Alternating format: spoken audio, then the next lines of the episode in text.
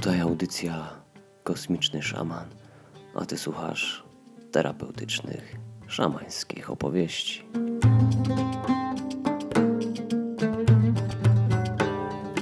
Niewidzialnym statkiem, niewidoczny dla świata po niebie płynę. Skały miasta pode mną, wraki łodzi pośpiechem spowite. Betonowe sarkofagi, co porty udają, energię drenują, życie zabierają. I choć kolorów pełno w jeden się zlewają, szarą mazią rozbitkowie oddychają. Szamańska karawela mknie ponad miastem. Rozcina fale elektromagnetycznego smogu, a oddech spalin przysiada na żaglowym płótnie. Widok, jaki rozpościera się na miasto, jest zupełnie niezwykły. Kosmiczny szaman jeszcze czegoś takiego nie widział. Mimo iż jego statek pozostaje zupełnie niewidzialny, a do tego sunie w powietrzu, dając kłam prawu grawitacji, to ten rejs odbiera bardzo realnie. Powietrze pod statkiem sprawia wrażenie głębokiej toni, pod powierzchnią której widać mnóstwo niebezpiecznych, ostrych i wyjałowionych skał. Te budzące grozy obszary to betonowe budowle, bloki, wieżowce, drogi. Nie dość, że z tej perspektywy wyglądają mało zachęcająco, to jeszcze niemalże fizycznie czuć, że pochłaniają, pożerają wręcz życiodajną energię otoczenia.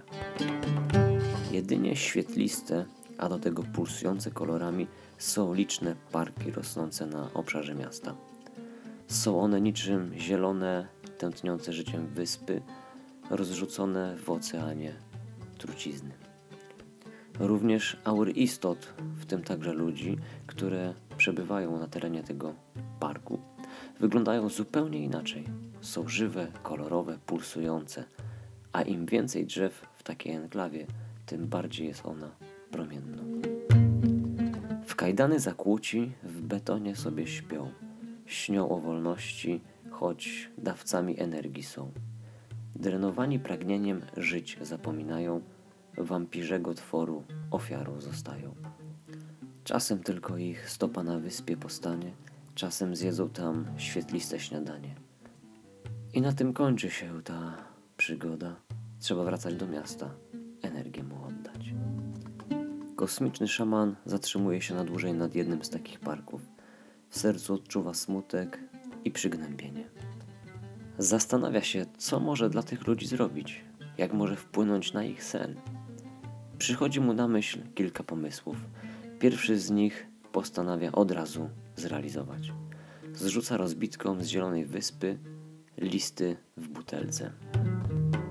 Gdy tylko opuszczą one pokład statku, wtedy opadając, zmieniają się w fale myśli, myśli rezonujących z ludźmi poniżej. Dzięki tym impulsom niektórzy z nich zaczynają dostrzegać rzeczy, dźwięki, kolory, których wcześniej zupełnie nie byli świadomi, nie zwracali na nie uwagi.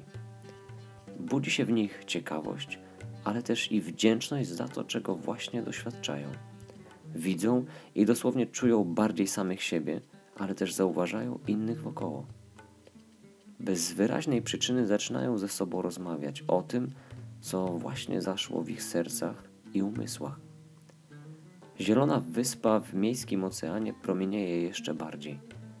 Dzięki prostemu ruchowi, dzięki większej uważności zmieniła się atmosfera tego miejsca.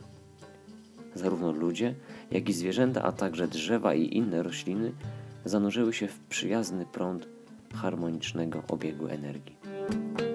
Ta mała wyspa światło niesie. Fotonami krzyczy, że dobrze być w lesie, zielonym, soczystym, frywolnym, pełnym życia ruchów oddolnych. Przychodzisz tu z bosymi stopami, tańczysz na trawie, opinię masz za nic. Połączenie dawno zapomniane przywracasz, Matki Ziemi miłości doświadczasz. Tak, to miasto i jego mieszkańcy zrobiło pierwszy krok. Może niewielki z perspektywy karabeli, szybującej tuż nad nim, jednak z punktu widzenia rozbitków jest to krok milowy. Na poziomie serca została zainicjowana przemiana. Zasiane zostało ziarno. Czas płynąć dalej.